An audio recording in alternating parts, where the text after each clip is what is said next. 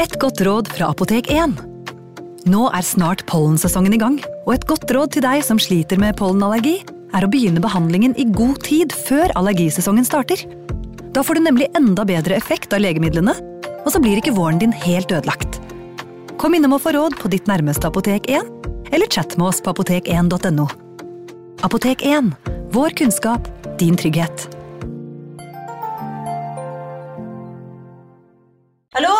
Jeg kommer fra Oslo politikammer. Ine Jansen er purk. Er du purk? The motherfucking bitch. Alt jeg vil, er å finne ut hva som skjedde med mannen min. Jon Carew. Er jeg sikta for noe? Iben Akeli. Det er du. Ole So, Lars Berrum og Big Daddy Karsten. Hvem sin side er du på, egentlig? Anette Hoff, Tone Danielsen, Kommer du fra Afrika? Jørnis Josef, Nesten. Kløfta. Trond Espen Seim, Det er synd å si det, men det var feil mann som døde. Purk. Premiere tirsdag på TV2 Play. Advarsel. I denne podkasten vil du høre historier basert på informasjon programlederne har funnet selv. Programlederne står ikke nødvendigvis inne for meninger og syn som fremstilles. Noen påstander kan avvike fra virkeligheten.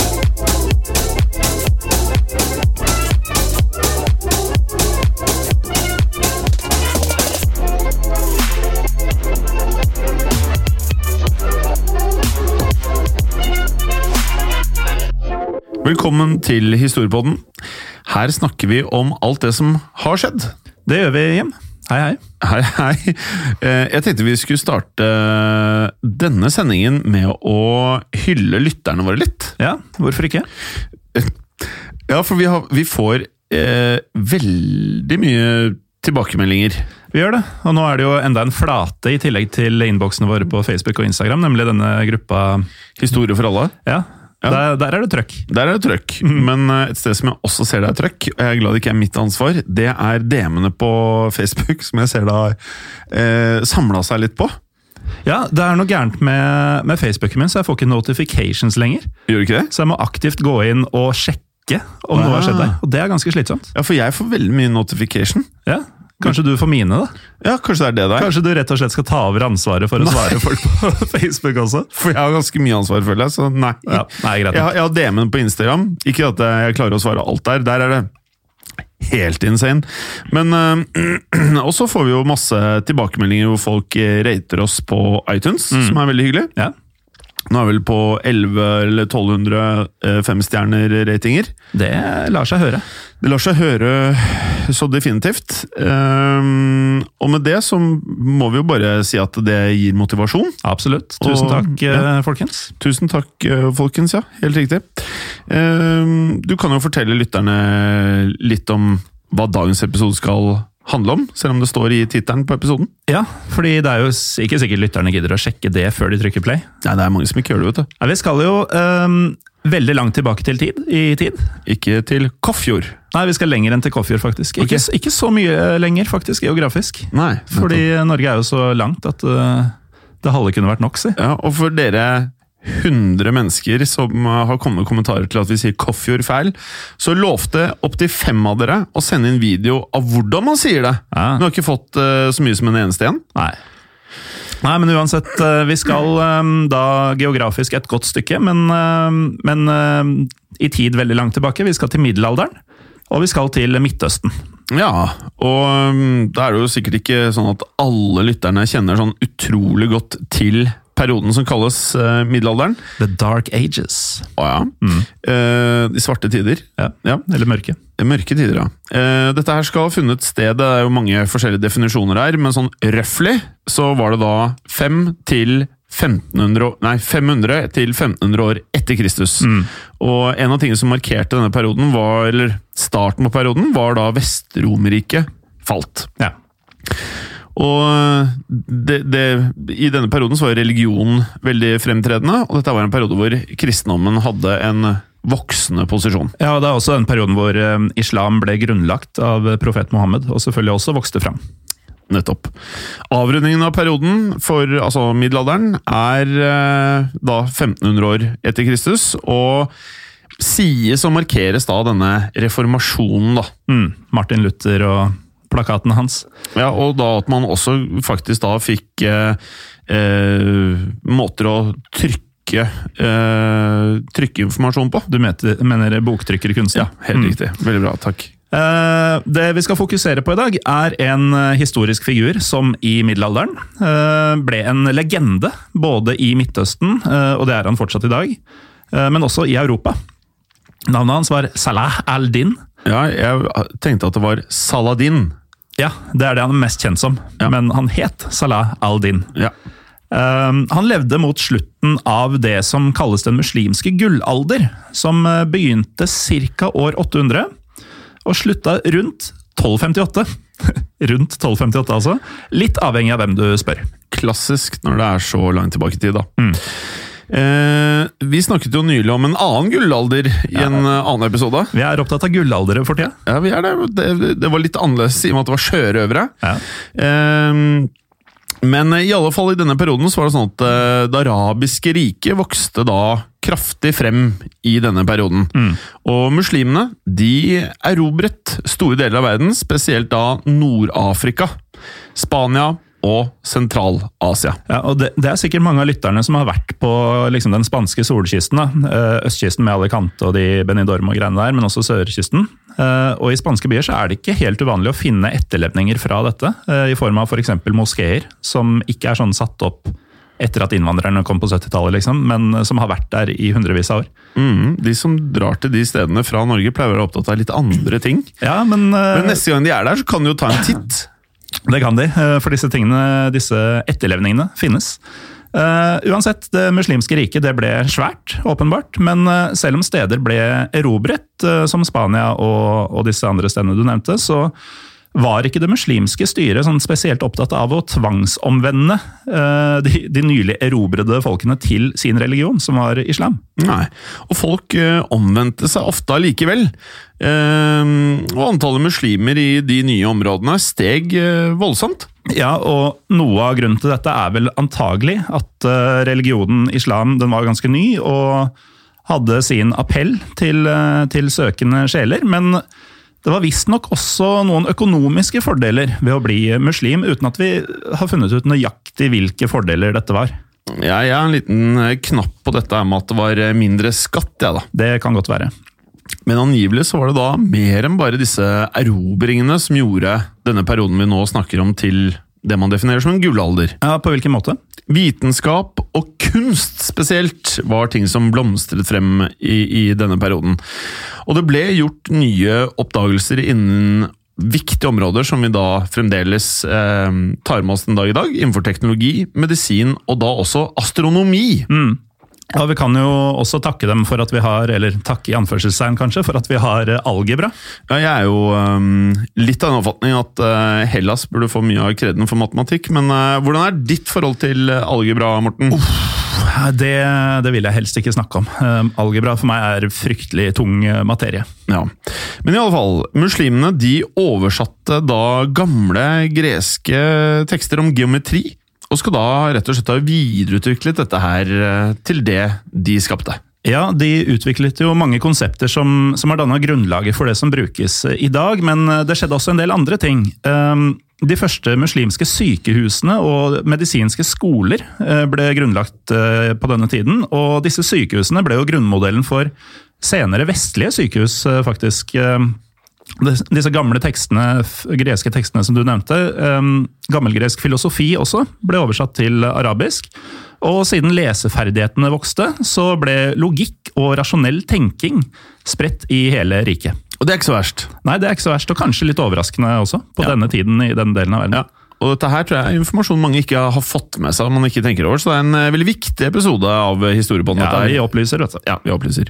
Eh, vi trenger jo også da en episode, åpenbart, nå har vi sagt i snart eh, tre hele sesonger, at vi må ha en episode om der det hele startet, altså gamle Hellas. Ja.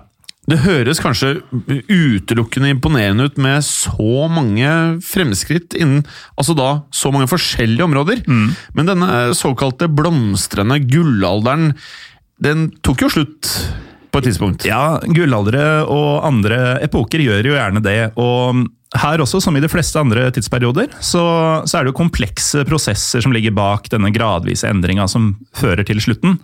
Eh, Men det er noen hovedpunkter som, eh, som legger grunnlag for slutten til denne gullalderen. Og ett av dem er at det store arabiske riket begynte å få en del interne religiøse konflikter. Som da betyr jo at rike riket omsider, som så mange riker, blir da brutt opp av eh, indre motsetninger, som ofte er det farligste for disse store dynastiene, om man vil. da. Ja, øh, Det som skjedde her, var at internt så var det nye dynastier som erklærte seg uavhengige fra, fra riket, og grupperinger begynte å krangle seg imellom.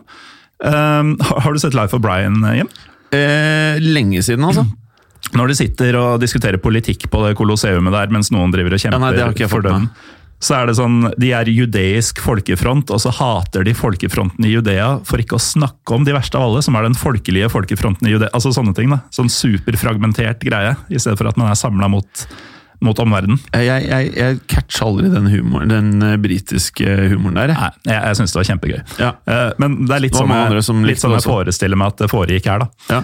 Nå skulle lytterne ha sett deg, for du, du, du likte veldig godt når du fortalte om det. Ja. Hvis jeg syns det er sånn helt ok Ja, jeg, med Monty Python, er Monty Python? jeg tror jeg liker Monty Python bedre enn jeg liker Olsenbanden. Ja, gjør du det? Kanskje. Men eh, den andre grunnen i tillegg til denne fragmenteringa, det er den berømte gjengangeren i historien, nemlig folk med makt som tar harde grep for å beholde makten de har over folket. Det har skjedd, og det kommer til å skje igjen. Det kommer til å skje igjen. Eh, De som styrte det arabiske riket på denne tiden, var de såkalte abbasidene. Og de har fått navnet sitt etter eh, profeten Mohammeds eldste onkel, Abbas. Eh, De var altså etterkommere av han. Det er derfor jeg, min hypotese er at man sier abbasidene. Abbasidene. Men det er det kanskje ikke. I og med at han het altså, eldsteonkel Abbas. Abbasidene. Jo, altså du kunne vært en god romeriking, Jim. Ja. Uh, Der ville vi nok sagt eh, abbasider. Men uh, Abbas var altså onkelen til den samme profeten Mohammed som da danna grunnlaget for den muslimske tro. Og det å være etterkommere av hans slektninger, det var jo selvfølgelig en big deal.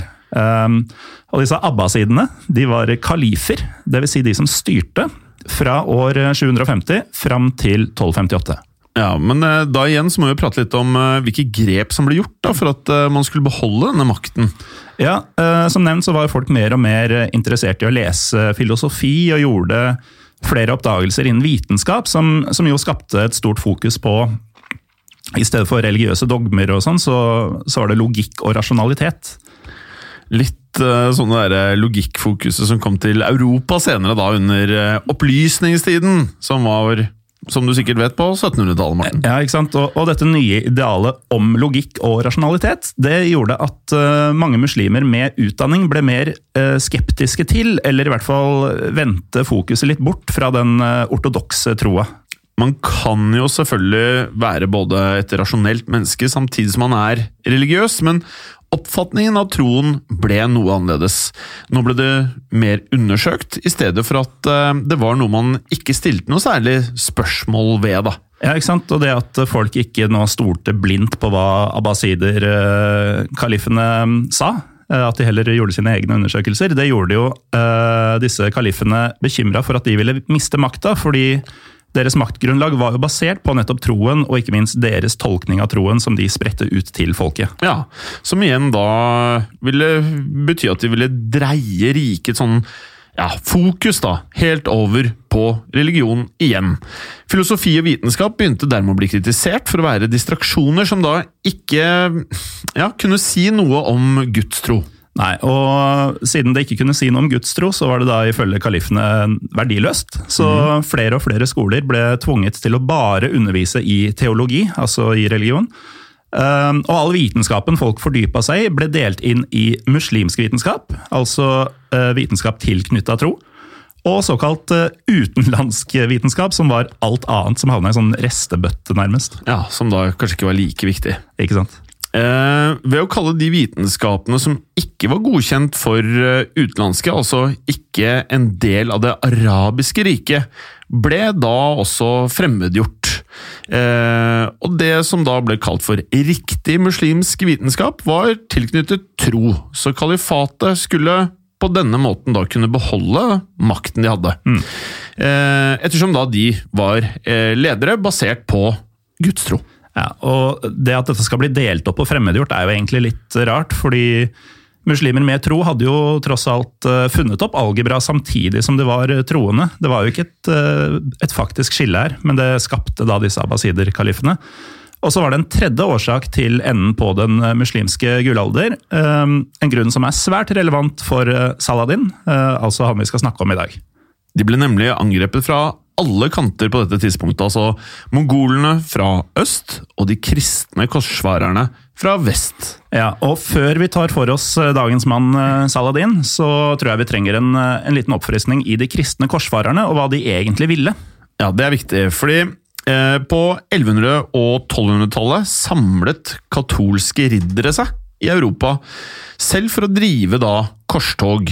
Dette var eh, krigstokt, der de skulle spre eller verne den katolske kristendommen mot ikke-kristne. Ja. Ja.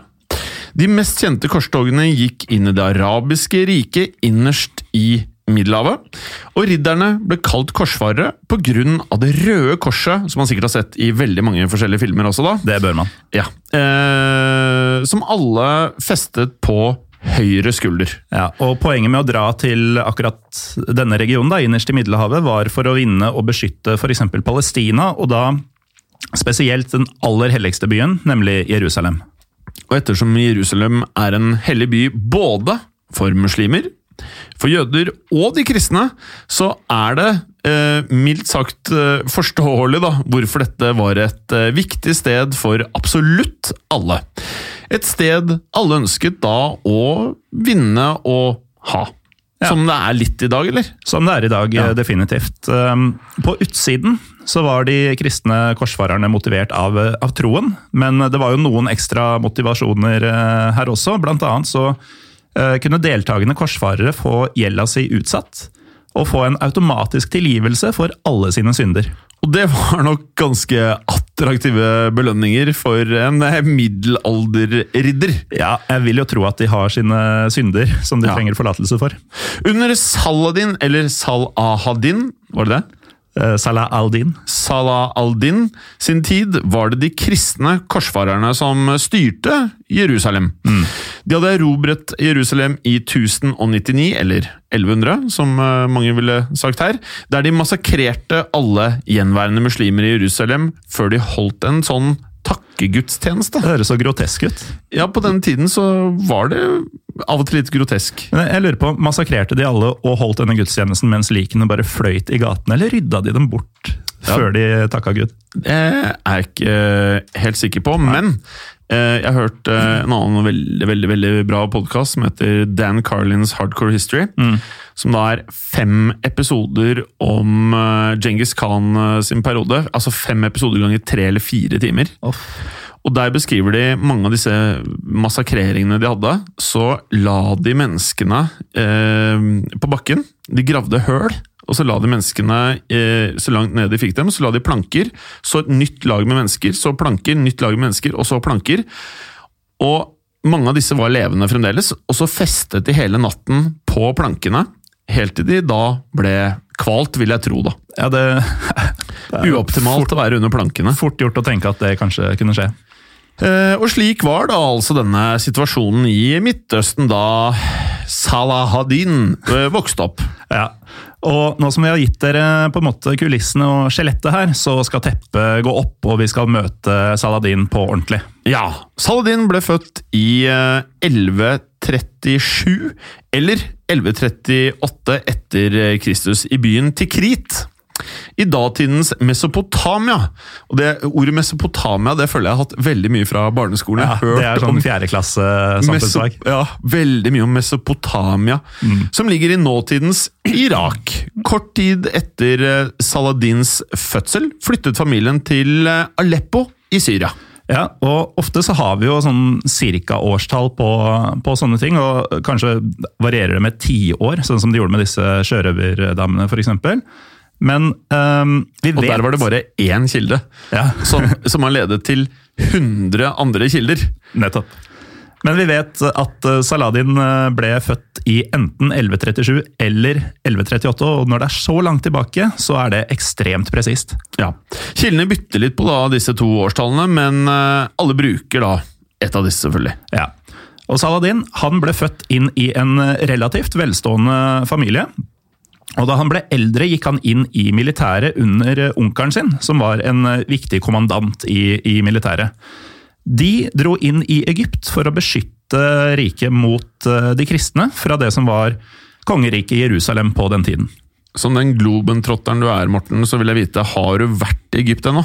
Nei, eh, ikke engang på sånn sydenferie til Kvasi-Egypt. Eh, det nærmeste jeg kommer, tror jeg faktisk er Jerusalem. Ja, for Der skulle jeg egentlig være med, vet du. Husker Ja, det? stemmer det. Men eh, jeg vet ikke hva som skjedde. Men eh, apropos Egypt. eh, du er jo interessert i fotball, og i Kairo så er det et helt enormt, eh, altså et vanvittig byderby mellom Al-Ali og Samalek. Og det skal vi på en dag. Ja, det vet jeg ikke helt. Eh, Etter at eh, Saladins onkel døde, ble Saladin forfremmet. Han steg raskt i gradene og ble lederen for de syriske troppene i Egypt i en alder av kun 31 år. Morten, det er ikke så lenge siden vi var 31. Vi hadde ikke kunnet styrt noe som helst. Nei, det er knapt våre egne liv. Um, og som om ikke det var nok, så fikk han også den prestisjetunge stillingen som vesir for kalifatet i Egypt. Altså, uh, Kalifatet var jo de som styrte. Uh, og de het, uh, og nå må jeg ha tunga rett i munnen her, Fatimid-kalifatet. Fa jeg tenker at det er Fatimid. Fatimid. Ja. Uh, de hevdet å stamme fra profeten Mohammeds datter. Altså, Hvis- det er enda mer hardcore enn å være etterkommer av onkelen til Mohammed. Ja, altså, eh, Ordet visir hang jeg meg litt opp i. da. Ja. Det høres så ekstremt bra ut å være en visir. Em, det innebærer å være en av de fremste rådgiverne til den øverste lederen, som en sultan eller en kalif. Ja. Som også høres veldig bra ut. Det er mye bra titler i, i Ja. det arabiske riket der. Men i, i denne sammenhengen så ble han da en representant, en offisiell representant for kalifatet. Eh, En minister, kan du si, som tok eh, avgjørelser på kalifatets vegne. Så han hadde jo enormt med autoritet da, i denne stillinga. Og eh, igjen, kalifatet var den muslimske verdens øverste instans. Ja, så med tanke på at det, det å være visir var såpass høytstående, kalte folk han ofte for sultan. Eh, hva hadde du blitt eh, kalt? Hvis jeg hadde vært eh, Hvis du hadde vært en visir, ville du valgt visir eller sultan? Jeg hadde gått for sultan, hvis Hadde det først var på bordet. Ja, ja. For du vet, eh, sultanen har jo tilgang til harem og greier, vet du. Bra, sultan Galåsen. Jepp. Han fikk enda mer status og makt i 1171, Som er den letteste måten å si det årstallet på. da han beseiret et mindre kalifat som ville ta makten. Kanskje greit å forklare hva en sultan er for noe, da, Morten? eller? Ja, En eh, sultan er jo da en leder, rett og slett, og da gjerne den øverste leder. Eh, Et uttrykk som gjerne har blitt brukt i stedet for eh, kalif. At man har kunnet være sultan og kalif litt sånn om hverandre. Eh, Og samme året som, eh, som eh, han steg i gradene, så døde også den siste Fatimide-kalifen. Så Saladin, som deres representant, han grep rett og slett makta i hele riket. Mm, jeg tror kanskje jeg hadde valgt kalif, jeg, da. Eh, men vi må jo bare si at eh, Saladin på denne tiden hadde jo en voldsom fart eh, oppover eh, karrierestigen og til makten. Det må være lov å si, og fra 1186, eller 1186, ble han formelt sett eh, sultan og enehersker over hele Egypt og de islamske delene av Syria.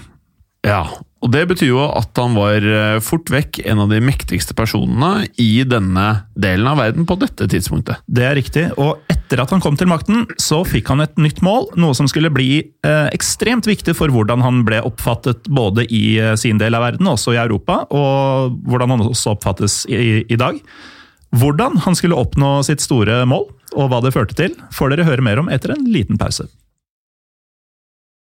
Er du glad i historiepodden? Sjekk gjerne ut andre podkaster fra moderne media, som True Crime-podden, Skrekkpodden eller Mørkredd. Podkastene våre finner du der du lytter til podkast, som på iTunes eller på Spotify. Nå er vi tilbake. Sultan Galåsen. Takk for det, Wesir Fasheim. Kali kalif, mener du.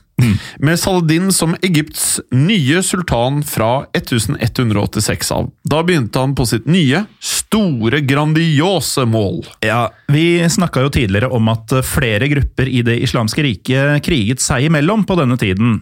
Eh, Riket var fragmentert og hadde sprekker i, i kantene sine. Og Saladin han bestemte seg for at uh, riket og folket skulle samles. Hans store drøm var å forene alle de muslimske territoriene i Syria, Egypt, Palestina og datidens her kommer ordet igjen Mesopotamia.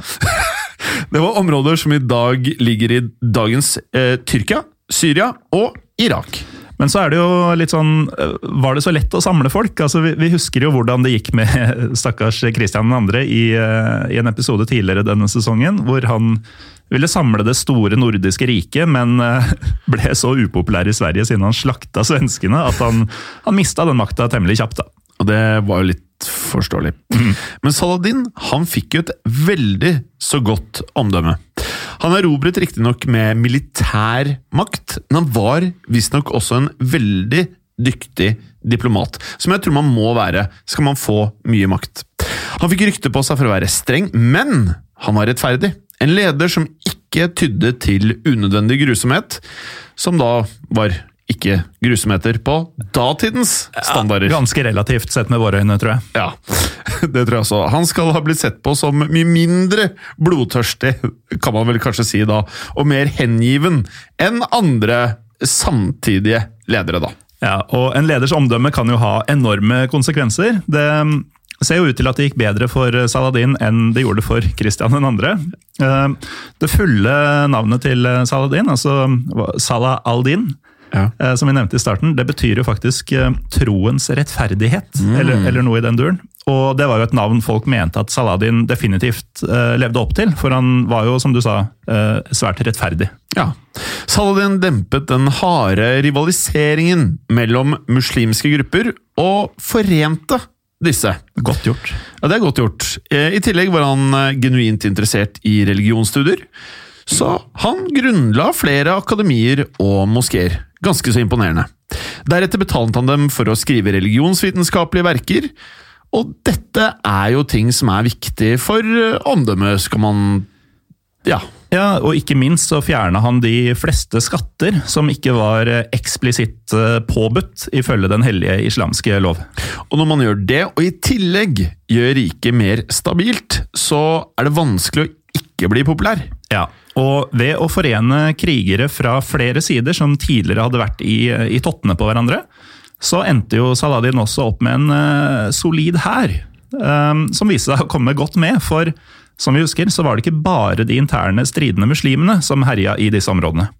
De kristne korsfarerne nemlig utgjorde et stort hinder for Saladin. Fram til da hadde de hatt den største hæren, men ved å forene kreftene i området kunne da Saladin endelig matche korsfarerne. Saladins hær og korsfarerne sin møttes i et stort, stort slag i 1187, også kalt slaget om Hattin, eller på engelsk The Battle of the Horns of Hattin. Og det var et uhyre viktig slag som skulle bli et eh, avgjørende nederlag for de kristne korsfarerne. Navnet Battle of the Horns of Hattin ble gitt grunnet formen på en eh, tidligere aktiv vulkan som het Kuruhun Ku, Kurun Hattin. Kurun Hatin. Uh, og her får vi et skikkelig inntrykk av hva som bodde i Saladin. For han skal ifølge kildene våre ha utvist stor strategisk fornuft i uh, dette slaget. Fornuftig type. Ja. Ettersom Saladin og hans menn allerede før slaget hadde drept eller tatt til fange størsteparten av korsfarerne, svekket de på denne måten da korsfarernes evne selvfølgelig til å føre krig.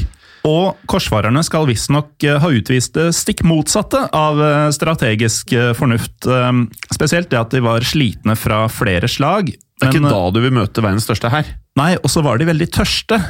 Du vil heller ikke være tørst når du skal slåss. Nei, de, de hadde lite vannforsyninger, og mens 20 000 korsfarere marsjerte mot Saladins styrker, da gikk de tom for vann. Og jeg har vært et par plasser i Midtøsten. Det er ikke et sted du vil gå tom for vann. Jeg vil alltid ha vann, men eh, der virker det spesielt kjedelig å gå tom for vann. Under marsjen oppdaget korsfarerne Saladins strategi. Han hadde satt ut flust med bueskytere i fjellene rundt landskapet korsfarerne marsjerte gjennom, skjønner du. Flust, altså kjempemange. Ja, utrolig mange. Disse bueskytterne skjøt raskt mot fienden, og da før de trakk seg tilbake. Dermed kom det brå regn av piler fra ett sted, før de samme bueskytterne trakk seg tilbake, og de dermed kunne dekke et helt annet område med buene sine. Som er litt som i filmen 300 og historien 300, at man da får eh, brukt soldatene man har, maksimalt. Sånn at de samme soldatene dekket egentlig, med andre ord da, et større areale. Da natten kom, var korsfarerne som nevnt tomme for vann, som ikke er bra. Ikke bra. Og de gikk tørste en hel natt før de da måtte marsjere til et slag dagen etter, som da var 4. juli 1187. Og denne morgenen så marsjerte de i retning av en innsjø for å, for å skaffe mer vann. Uh, Saladin var jo um, forberedt på det, så han beordra sine soldater til å sette fyr på buskene rundt korsfarerne. Uh, det førte til at ilden spredte seg, og det ble enda varmere. Og varmen gjorde korsfarerne da enda tørstere. Åh, han er smart, han Saladin. Smart og sleip. Man må vel kanskje være litt smart og litt sleip for å, for å vinne kriger, eller? Det er nok eh, gode egenskaper. Det har jo skjedd. Mm. Eh, ikke bare slet vannmangelen på korsfarerne, men Saladin sin hær valgte bevisst å drive korsfarerne vekk fra enhver vei, og presse de inn mot åsene, som vi vet ble kalt Horns of Hatin. Mm. Så her fikk vi da eh, korsfarerne i et eh, hjørne, så de hadde ikke så veldig mange andre steder å gå. Nei, og så var jo uh, Saladins hær var jo svær, den besto av rundt 30 000 mann, så det var i klart flertall. En annen taktikk eh, Saladin eh, benytta seg av, var at han beordra troppene sine til å angripe hestene til de kristne ridderne. For ridderne de hadde jo på rustning, som pilene gjerne prellet av. Men hvis de angrep hestene, så ble jo ridderne kastet av hesten, og, og det gikk utover bevegelsesmulighetene deres. Åh, det er så smart! Mm. Uh, jeg mener uh, Ragnar Lothbrok i uh, Vikings hadde litt av samme tanke. Gå på hestene, rett og slett. Ja, Det kan godt være. Ja, Det er ikke feil. Korsfarerne ble dermed fanget mot da, som vi pratet om, Horns of Hatin. De prøvde å slå tilbake flere ganger, men lyktes ikke å overmanne da Saladins styrker, og til slutt steg Saladin frem som seiersherre. Mm. Han beordret at nesten alle ridderne blant korsfarerne skulle henrettes, men han sparte livene til de adelige og kongen som ledet korstoget, King Guy av Lusignan. Lusignan? Lusignan? Lusignan, kanskje? Jeg vet ikke. Eh, men resten av soldatene, de som var eh, vanlige folk, eh, altså verken riddere eller adelige, de ble solgt som slaver. Tapene som korsfarerne led i dette slaget, var altså så store at Saladin kunne ta over nesten hele kongeriket Jerusalem uten noe videre vanskeligheter. Ja, og Her er det viktig å poengtere at kongeriket Jerusalem det er mer enn bare byen. Det er et helt område. altså Litt sånn som landet Luxembourg, da, og ikke bare byen. Eh, I oktober så oppnådde Saladin den store drømmen. I 88 år hadde den hellige byen Jerusalem vært i de kristne europeernes hender, men i oktober 1187 så overga byen seg til Saladin og hans hær. Noe som da kanskje bidrar enda mer på omdømmet, som allerede var godt eh, for Saladin. Det er helt klart. Og det er når eh, Saladin tar Jerusalem at det, det som virkelig skal gjøre han kjent og huska, eh, hender. Sist gang byen ble erobret, altså i 1099, så ble den erobret av de kristne korsfarerne. Den gangen massakrerte de alle muslimene i byen, så når Saladin tok byen igjen, så var det forventet at han skulle gjøre akkurat det samme mot de kristne. Som hevn, da. De forventa rett og slett eh, den vanlige øye for øye, tann for tann-taktikken. Det var det de gjorde, men saken var at eh, det var ikke det han gjorde. Det ble ikke noe blodbad. Han ga de kristne forsvarerne av byen fritt leie til å dra. Og det er jo enda et sted hvor han skiller seg litt fra Christian 2.s andres strategi. Ja, og litt uortodoks blir nok dette også sett på sånn historisk. Mer uortodoks skulle det senere bli, men la oss nå ta en kikk på hvordan det sto til Europa på denne tiden. De fikk jo etter hvert nyheten om at Jerusalem hadde falt til muslimene, og da ble det et lite rabalder. Ja, Et uh, mye større rabalder enn uh, Saladin hadde antatt. Uh, tapet av det hellige Jerusalem det kom jo som et sjokk på Europa, og det gjorde dem svært opprørte. Så opprørte at nå skulle de organisere et korstog igjen. det tredje korstoget i rekka. Riddere og adelige de kom fra, fra, flere land for å delta, og hele tre konger kastet seg på korstoget. Å samle dette korstoget var jo en, som man hører, en storinnsats. Eh, og dette hadde jo også litt å si for hvordan både europeerne i samtiden og i ettertid oppfattet Saladin. Et så enormt korstog mot han, pluss at han hadde latt kristne i Jerusalem dra i stedet for å massakrere dem, gjorde jo da, naturlig nok som vi forstår nå, enorme inntrykk. Ja, for Det vanlige var jo at man så på fienden som uh, ukristne, ukristelige barbarer. Men, uh, men, Saladin hadde fått et annet rykte pga. dette. Han ble uh, den edle, ridderlige fienden. så verdig at han fortjente respekten til europeerne. Og det ryktet han fikk, det formet det ideelle bildet av riddernes fiender i middelalderen. Saladin hadde jo da ikke jagd ut de gjenværende korsfarerne helt. De, de holdt faktisk fortsatt tre byer i området samt en eh, stor kystfestning kalt eh, Tyre, som visstnok var ekstremt vanskelig å erobre, og det var den som skulle bli utgangspunktet for europeernes store motangrep. En av disse kongene som ledet det nye korstoget, var Rikard den første, også kalt en, dette er jo en gjenganger i alt av TV-serier og filmer. Mm. Rikard Løvhjerte! Ja, eh, Spesielt kjent for lytterne som har sett diverse Robin Hood-filmer, tenker jeg. Vi burde jo si litt om hvem han var. Rikard Løvehjerte var konge av England fra 1189 til 1199, så ti år fikk eh, Rikard Løvehjerte. Likevel ble han riktig så populær, på samme måte som Saladin skapte det europeiske bildet av den noble fienden, så skapte Rikard på den andre siden forbildet av riddere som edle og høyverdige. Og Richard han var ikke så interessert i, i sitt eget kongehus og, og, og, den fremtiden der. Alt han tenkte på, det var det nye korstoget som skulle marsjere mot uh, Saladin. Så Derfor så solgte han det meste han eide, sånn at han kunne kjøpe så mye våpen som mulig og samle så mange korsfarere som han bare kunne få tak i, for den hellige sak, det var alt han brydde seg om. Og med de midlene samlet han en stor flåte og en stor hær. Avreisen for det nye korstoget kom i 1190.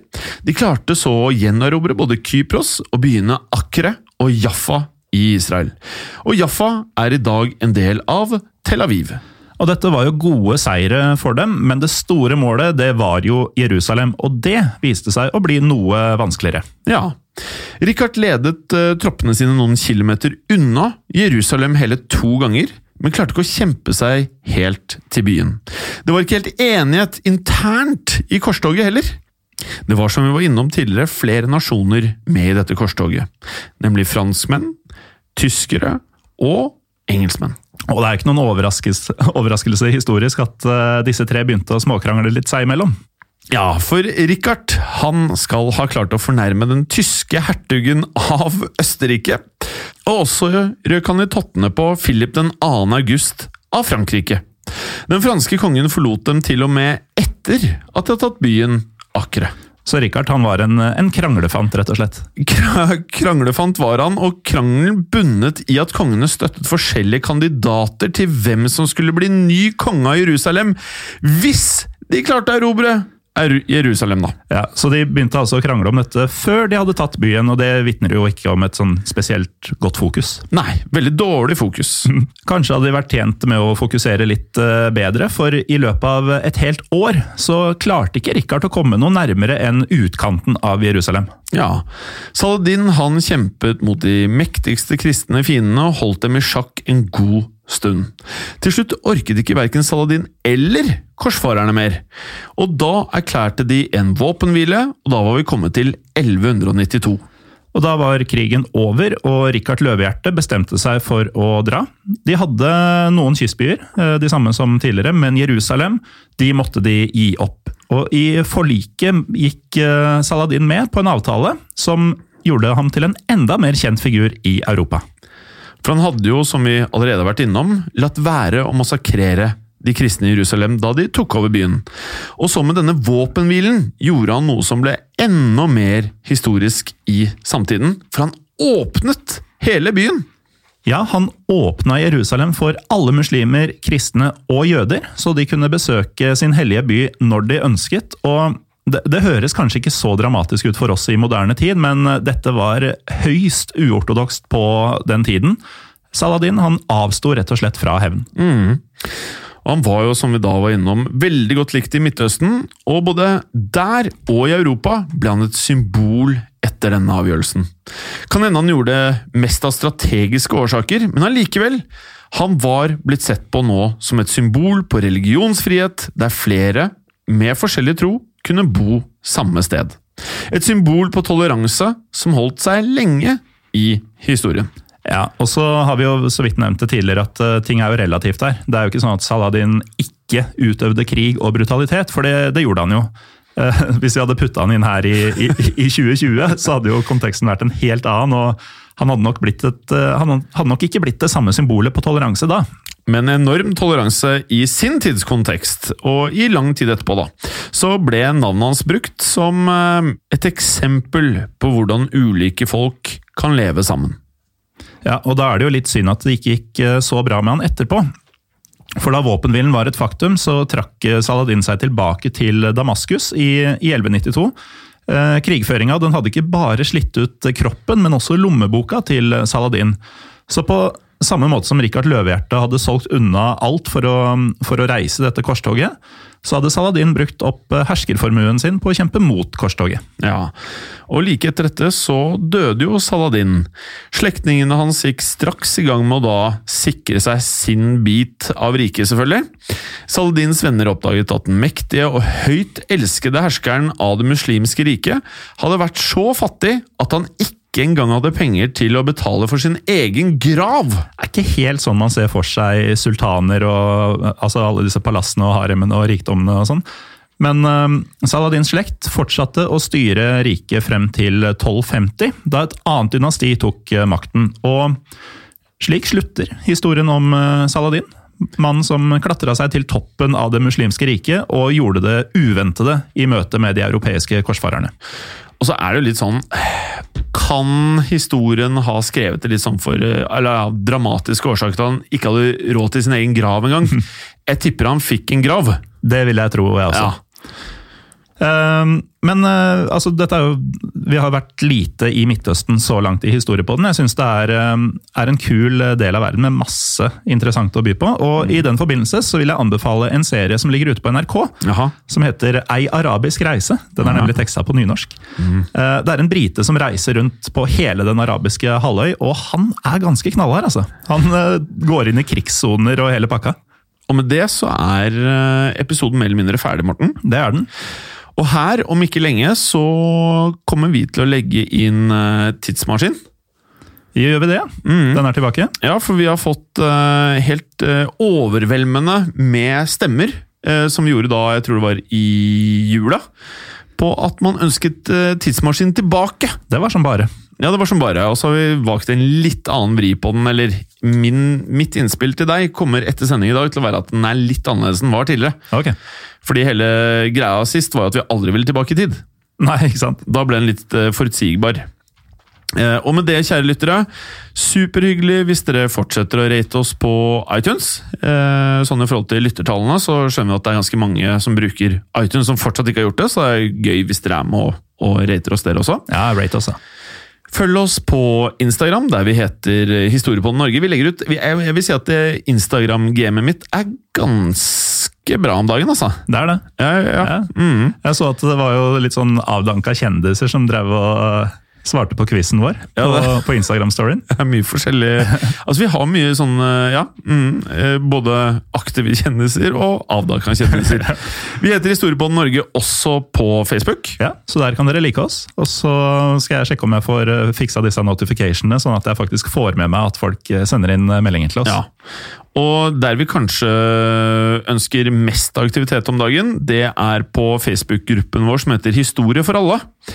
Så det er nå engang slik med sånne Facebook-grupper at uh, jo flere det er med i gruppene, jo høyere aktivitet uh, blir det. Dette er jo elementært. Ja, og blant annet du, Morten. Jeg oppmuntrer deg til å bli mer aktiv i uh, gruppen vår på Facebook. Mm. Jeg tror ikke du har et eneste innlegg ennå, men det, det kommer. Det kommer.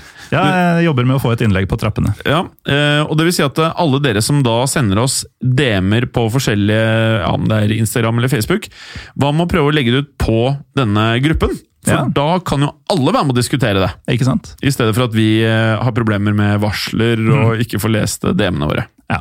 Så Meld dere inn, eller eh, send eh, eh, forespørsel om å være med i gruppen vår Historie for alle, og så skal vi eh, ta dere vel imot. Det skal vi. Og vi kommer til å la deg være med, selv om det er en forespørsel eh, først. Ja, hvis vi liker det. Ja, hvis vi liker det. Det har skjedd, Morten, Og det kan skje igjen. og mange ganger til. Vi får se. Vi får se. I produksjonen av Historiepodden så ønsker vi å takke Håkon Bråten for lyd og musikk. Takk til Felix Hernes for produksjon. Takk til Ellen Froktenestad for tekst og manus. Og takk til deg, Morten Galesen, for programlederrolle. Og takk til deg, Jim Fosheim, for programlederrolle. Moderne media. Har du et enkeltpersonforetak eller en liten bedrift? Da er du sikkert lei av å høre meg snakke om hvor enkelt det er med kvitteringer og bilag i fiken, så vi eh, gir oss her, vi. Fordi vi liker enkelt. Fiken superenkelt regnskap. Hei, og takk for at du lytter til Historiepodden. Skulle du ønske at du kunne høre en ny episode av Historiepodden hver eneste uke? Vel, da er det én ting å gjøre. Da kan du laste ned podkastappen Untold med det samme. For i tillegg til ukentlige episoder av podkaster som Historiepodden andre verdenskrig, Henrettelsespodden og også Gangsterpodden, så får du masse annet reklamefritt og også eksklusivt innhold. Last ned Untold i AppStore eller Google Play og start din 30 dagers gratis prøveperiode allerede i dag.